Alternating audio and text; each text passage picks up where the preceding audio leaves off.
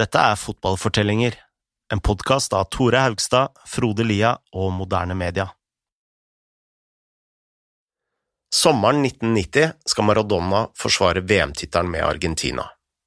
I Napoli er han en gud, men i resten av Italia er han hatet for serietitlene han har vunnet i sør.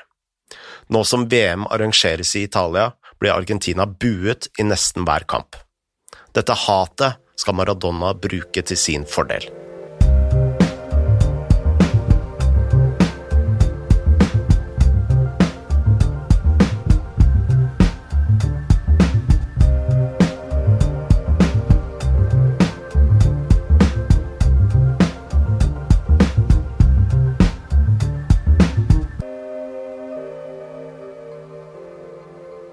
I 1990 var Maradona høyt oppe etter å ha vunnet sitt eh, andre seriemesterskap med Napoli.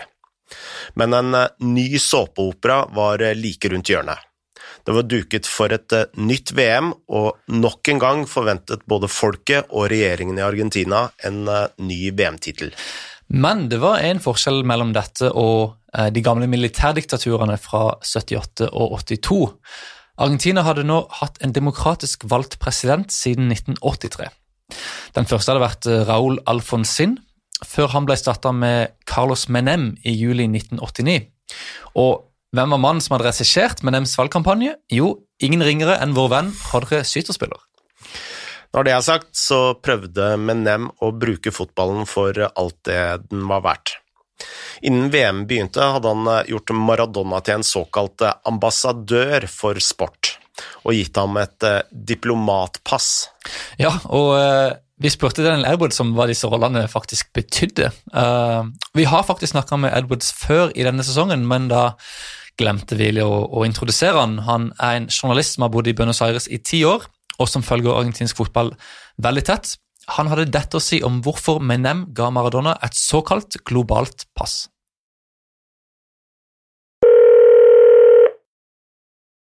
The simple answer is um, is to win points, um, like politicians have done through the ages. They, um, you know, they hoist them, they hoist their colours onto onto famous people, onto popular figures, thinking that by association, their their popularity is gonna um, gonna go up a little bit, and and that was the case with Maradona. You know, you talk about '89. Maradona is uh, essentially at the height of his powers. He's he's already a World Cup winner, and and he's already um, you know pulled off this miraculous uh, Serie A win with with Napoli.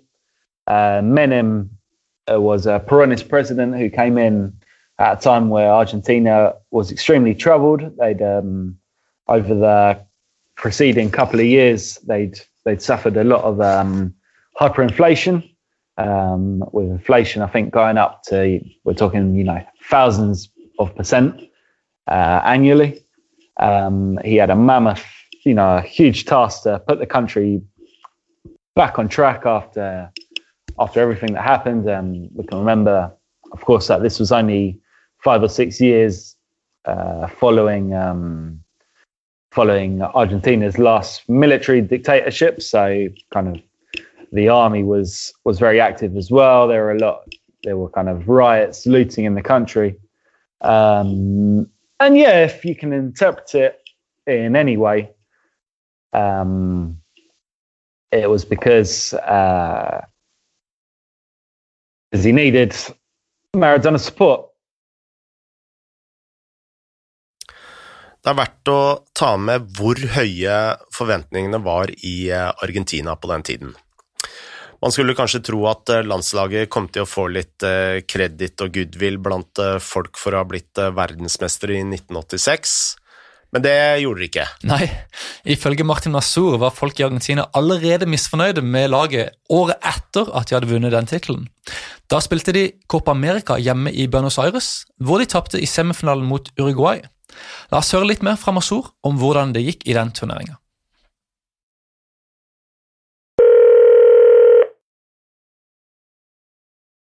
A celebration tournament, right? You've just won the World Cup, so you have Maradona, a celebration tournament.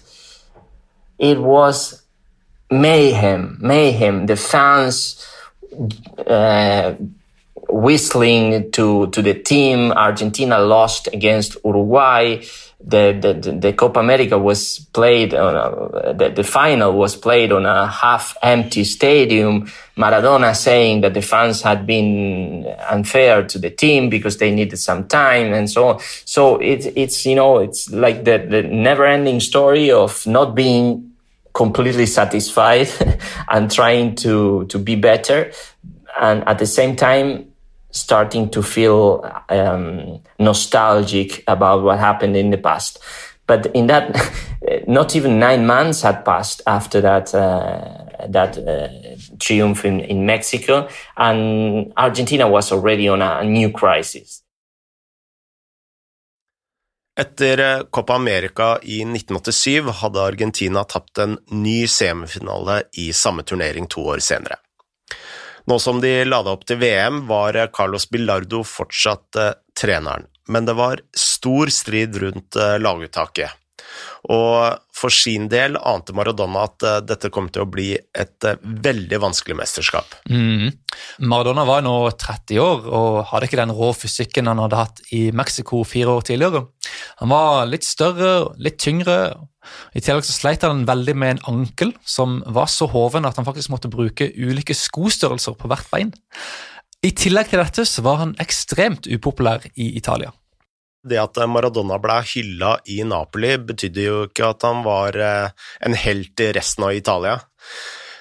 I Milano hadde Maradona vært eh, mannen som eh, kosta dem et seriemesterskap, og i eh, Juventus eh, så var han jo eh, fiende nummer én, og det hjalp heller ikke at Maradona hadde blitt avbilda med mafiaen og blitt beskyldt for å smugle kokain. Omtrent det eneste positive for Maradona og Bilardo før mesterskapet var at de hadde en lett åpningskamp. De skulle møte Kamerun, som aldri hadde vunnet en kamp i VM. Og det er jo verdt å ta med her hvor dårlig forberedt dette Kamerun-laget var. Tidligere det året hadde de ansatt en mann som het Valeri Nepomnyashi. Jeg vet ikke om det uttales riktig, men ja. Det hørtes riktig ut. Ja, En trener de hadde henta fra et lag fra Turkmenistan som spilte i russisk tredjedivisjon. Han kommuniserte med spillerne via en oversetter som vanligvis jobba som sjåfør for Kameruns ambassade i Moskva. Så dette høres ut som en, en veldig improvisert uh, greie fra, fra Kamerun. Kamerun hadde også dratt på treningsleir i Jugoslavia, hvor de faktisk kun hadde fire baller til eh, rådighet eh, på treningsfeltet. Da de kom til Italia, hadde også spillerne truet med streik pga. ubetalte bonuser. Et par eh, dager før VM ga førstekeeperen Josef Anton Bell et intervju hvor han hevdet at Kamerun ikke hadde en sjanse mot Argentina. Vi er heldige om vi taper 3-0, eh, hadde Bell sagt eh, i et intervju. Perfekt oppladning for, for Kamerun. Vår, vår, mann Valeri, som vi skal kalle han her, eh, herfra, treneren, reagerte ved å vrake Bell til, til fordel for Thomas Nkono fem timer før avspark. Han ba også spillerne om å gå så hardt inn i duellene som mulig. Han trodde at Argentina kom til å bli redde, og at de ville, liksom, de ville til finalen. og Han trodde at de liksom ville trekke seg i duellene ut av frykt for å bli skada. Maradona så ut til å, å, se dette komme. Han stilte til den kampen med leggbeskyttere både fremme og bak. Totalt eh, lagde Kamerun 30 frispark, og de var jo veldig dyktige til å holde Som klarte å holde Argentina til 0-0 eh, til pause. Eh, men så ble forsvareren André Canna Byik utvist for å ha felt den kjappe vingen eh, Claudio Canija. Da var selvfølgelig Kamerun i trøbbel, men så ble Byik faktisk redda av sin egen bror. Snart dalte et frispark ned i feltet til Argentina, og Francois Oman Byik hedda inn 1-0 til Kamerun. Et par minutter før slutt stormer Canija frem på en kontring i jakt på en utligning, og Kamerun skjønte jo at de måtte stoppe han til enhver pris, så Benjamin Massing tok Kanija ut med en takling i hoftehøyde, som var så kraftig at Massing faktisk mista sin høyre sko. Igjen vil anbefale alle å gå inn på YouTube og, og sjekke den taklinga. Uh, Kanija er liksom, han blir nesten felt, og så blir han nesten felt igjen, klarer akkurat å holde seg på beina, og så kommer Massing inn og bang, tar han ut. Uh, selvfølgelig ble Massing utvist for dette, men uh, dette gjorde ikke noe fra Kamerun. Med ni mann så slo de verdensmesterne Argentina i første kamp. Og dette var jo et tap som uh, ikke bare sjokkerte Argentina, det sjokkerte jo en hel verden. Mm. Og Masur kalte jo tapet en nasjonal ydmykelse, og spesielt Bilardo begynte nå å merke presset.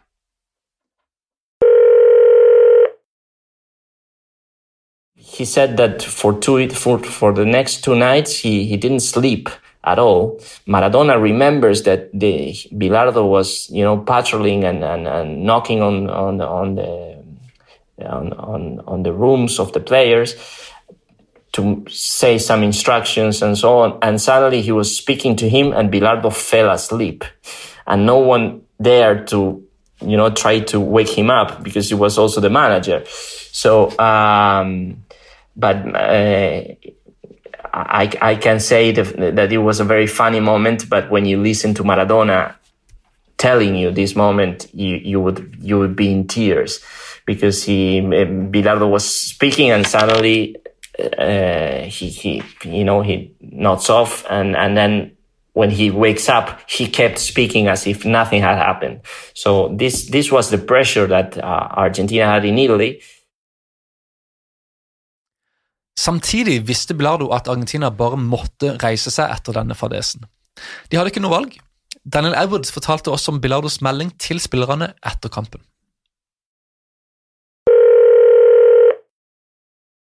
That was a huge shock, um, and I think from there, uh, basically what Bilardo, what Maradona, the senior guys in in the in the Argentina squad said uh, was that look, um, we just got absolutely embarrassed and and we need to sort it out. Otherwise, we're going to get lynched when we when we come back to Buenos Aires. Uh, there's a famous quote uh, from Bilardo, who you know talking in the dressing room after after that game. Um, he turns around and, and tells his players, "Look, guys, uh, we got two options here. Either um, either we get to the final, or or we've got to hope our our plane going home crashes into the Atlantic because because there's no way you, we can go home with this. Argentinas neste kamp var mot Sovjetunionen. Tidlig i oppgjøret brakk Argentina-keeperen Neri Pompido beinet, noe som ga sjansen til reservekeeperen Sergio Goicochea. Men det var en helt annen som skulle stå bak kampens eh, mest berømte redning. På stillingen 0-0 reddet eh, Maradona en ball på streken med hånda. Guds hånd eh, nummer to, eh, kan vi kalle det. Og dette helt uten at den svenske dommeren Erik Fredriksson så det. Argentina vant kampen 2-0. Deretter sleit Argentina seg til 1-1 mot Romania i siste kamp i gruppespillet. Dette var jo slett ikke prestasjoner som var en regjerende verdensmester verdig, men Argentina kom seg likevel til sluttspillet som en av de best plasserte lagene på tredjeplass. Der visste de at de måtte heve seg i neste kamp. Motstanderen i åttedelsfinalen var Brasil. I den kampen ble Argentina fullstendig overkjørt. På en eller annen måte så var eh, resultatet 0-0 ni minutter før slutt. Så satte Maradona i gang et eh, løp hvor han eh, driblet tre spillere, dro på seg hele det brasilianske forsvaret og spilte fri, uh, spilte fri Canija. Han satte inn vinnermålet, som er blitt en av de mest legendariske i argentinsk fotballhistorie. Viene Maradona en el círculo central contra Lemao. Escapa Diego, se lleva la pelota Maradona también contra Dunga. Ahí va Maradona. Ahí va Maradona para Camilla. Ta ta ta ta ta ta ta ta ta ta ta ta ta ta. Gol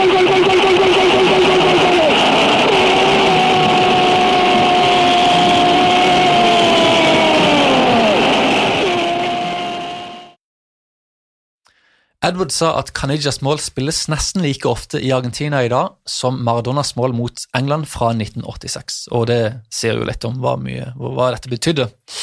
Da argentinske fans var i Brasil i VM i 2014, sang de fortsatt om dette Canija-målet. Men seieren mot Brasil i 1990 var ikke helt rein, om det gir mening. Vi husker jo at Bilardo var en spiller for dette Estudiantes-laget som var så kynisk og, og skittent uh, på 60-tallet. Mm. Og også her, da, mot Brasil, så hadde Bilardos lag kommet med et, ja, et litt kynisk og, skittent uh, triks. Det finnes nemlig en historie om at eh, Argentinas støtteapparat eh, la noe rart i eh, noen av drikkeflaskene til Brasil. I løpet av en pause i spillet tok Brasils venstrebekk Branco en slurk vann og ble svimmel. Bilardo ble spurt om dette i 2005, og da sa han følgende Jeg sier ikke at det ikke skjedde, og senere bekreftet også Maradona hendelsen.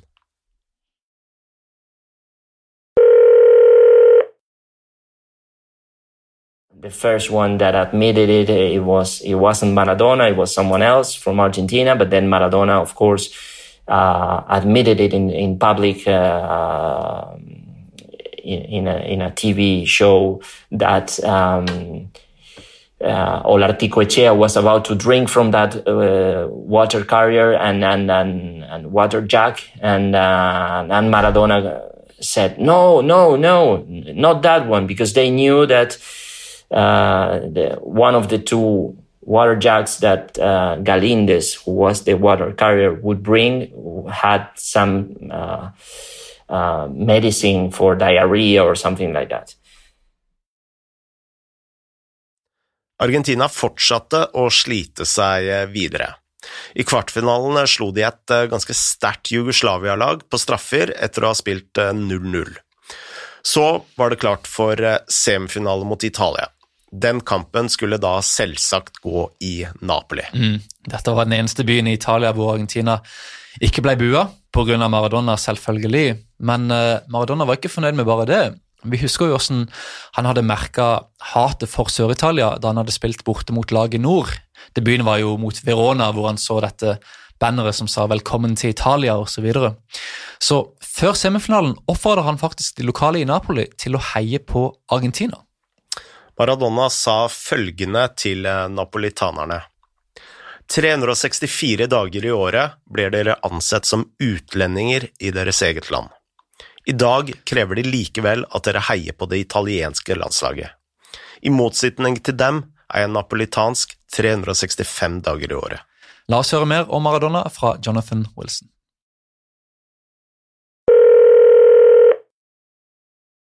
Well, I think he revelled in being hated. You know, I think he he didn't do much to kind of, and why should he really, to, to, to calm things down? You know, I, I, think he was quite happy to talk about how Naples had been uh, sort of rejected by the rest of Italy. He was quite happy to talk about the, the north-south divide in Italy. Um, I, th- I, think he, you know, he played on it. He talked about referees being against Napoli. Um, but you know, essentially, it was he he had led Napoli to, to two titles, and the the big northern clubs and fans of the big northern clubs didn't like that.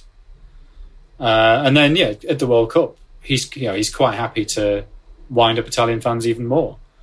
Um, but you know, the, the opening game in, in, in at San Siro against Cameroon, and you have very obviously Italian fans wanting Cameroon to win, cheering on Cameroon, uh, which is an extraordinary thing. You know, Maradona said as he as he left the pitch, he he knew he knew Thomas and. Why did he know Thomas? He must have known him when from when must have been at Espanyol when he was at Barcelona.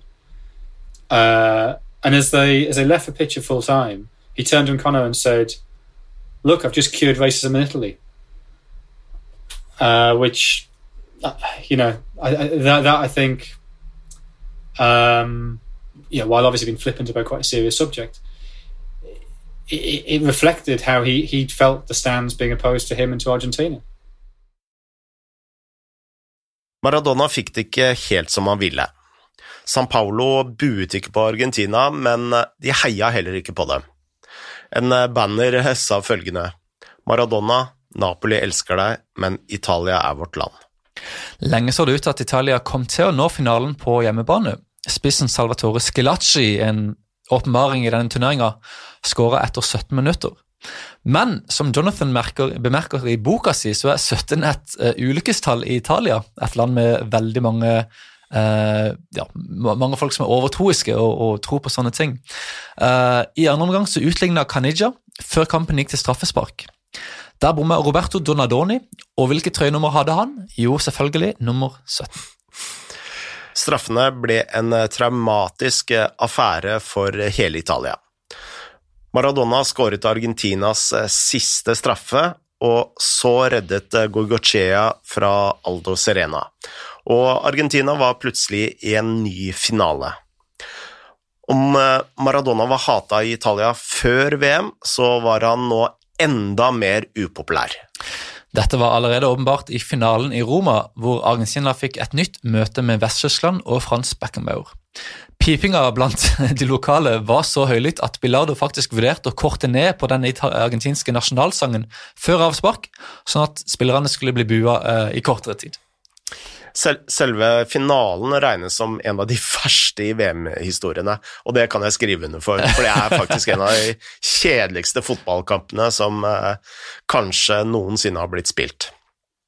Det sto 0-0 da Argentina fikk eh, Pedro Monzón utvist etter 65 minutter. Fem minutter før slutt fikk eh, tyskerne en straffe som Andreas Breme satte i mål. Så fikk argentinske Gustavo de Sotti rødt kort eh, rett før slutt. Dette er jo en forferdelig miks for Argentina. To røde kort og straffespark mot seg i finalen. De følte seg litt bortdømt her, og eh, de var jo mildt sagt skeptiske til dommeren Edgardo Codestal. Han var meksikansk av nasjonalitet, som sørga for at han var nøytral og alt det her, ikke var fra samme kontinentet som Tyskland eller Argentina. Men Cordestal hadde blitt født og oppvokst i Uruguay, som er en av de største rivalene til Argentina. Så vi kan jo forstå hvorfor Argentina ja, var litt mistenksomme mot akkurat dette. Men tapet til tross var det ikke slik at Argentina vendte hjem til slakt. La oss høre fra Daniel Edwards om hvordan VM i 1990 huskes i Argentina.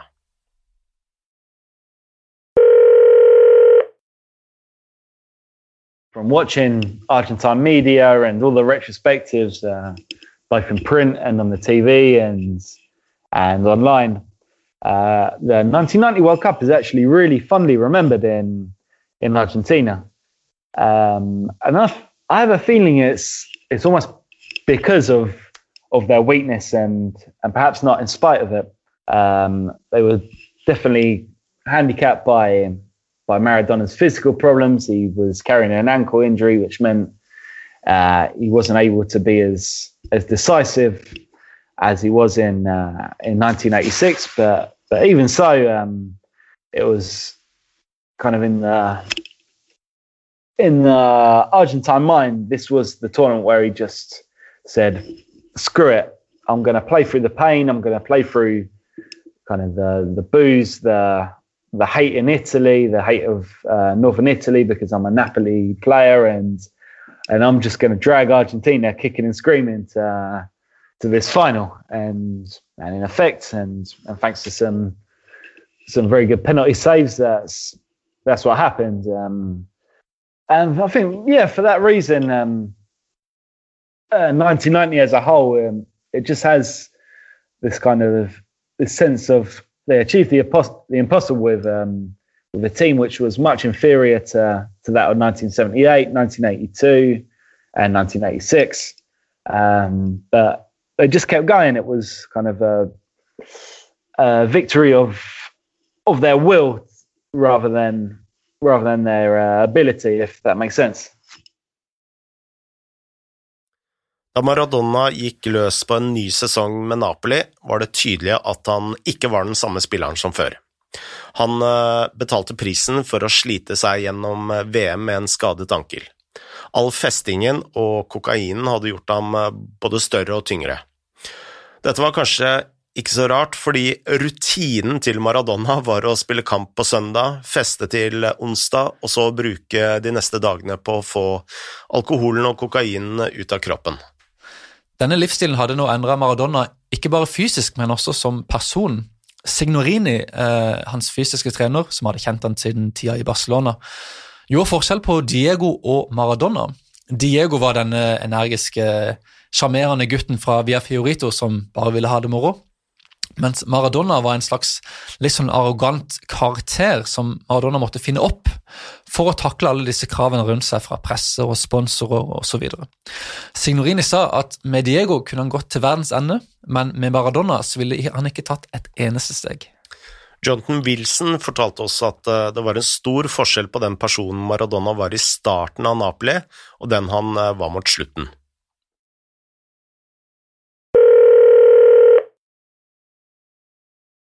I think they are very different. I think they even look different. You, know, you look at him when he joins, and he's still, despite the injuries, despite the the hepatitis, he's still this sleek, fairly good-looking athlete. You know, he's he's obviously an athlete.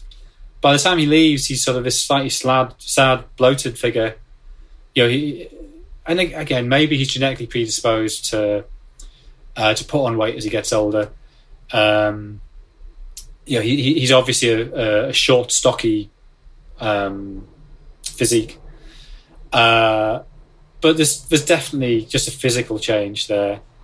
Um, but people talk about if they talk about the difference between Diego and Maradona. Um, that that one is this sort of image he projects to the world, and one is the real him, and that image gets harder and harder and harder and the you know the edges get tougher and tougher and tougher, and it becomes less and less pleasant. And somehow, still somewhere within that is the old Diego, the you know the yeah the the, the, the charming kid, but it, it becomes increasingly difficult to, to find during his time at, at towards the end of his time at uh, Napoli. Mens Maradona sleit med å prestere for Napoli, begynte nettverket rundt han å endre seg. Eller mer nøyaktig kanskje falle sammen, kan du si. Så lenge han hadde vært i byen, så hadde jo både klubben og fansen og pressen og, og ikke minst Camoran beskyttet ham på mange ulike vis. Hvis han hadde brutt loven eller gjort noe rart, så, så prøvde de å liksom dekke opp for det, fordi alle ville at Maradona skulle spille bra og, og være fornøyd. Men nå som Maradona ikke leverte på banen, og i tillegg nå som han var ansett som Italias største fiende i kjølvannet av VM, så begynte denne strukturen rundt han å forsvinne. Dette skjedde i en periode hvor myndighetene begynte å slå ned på Camorrans eh, virksomheter.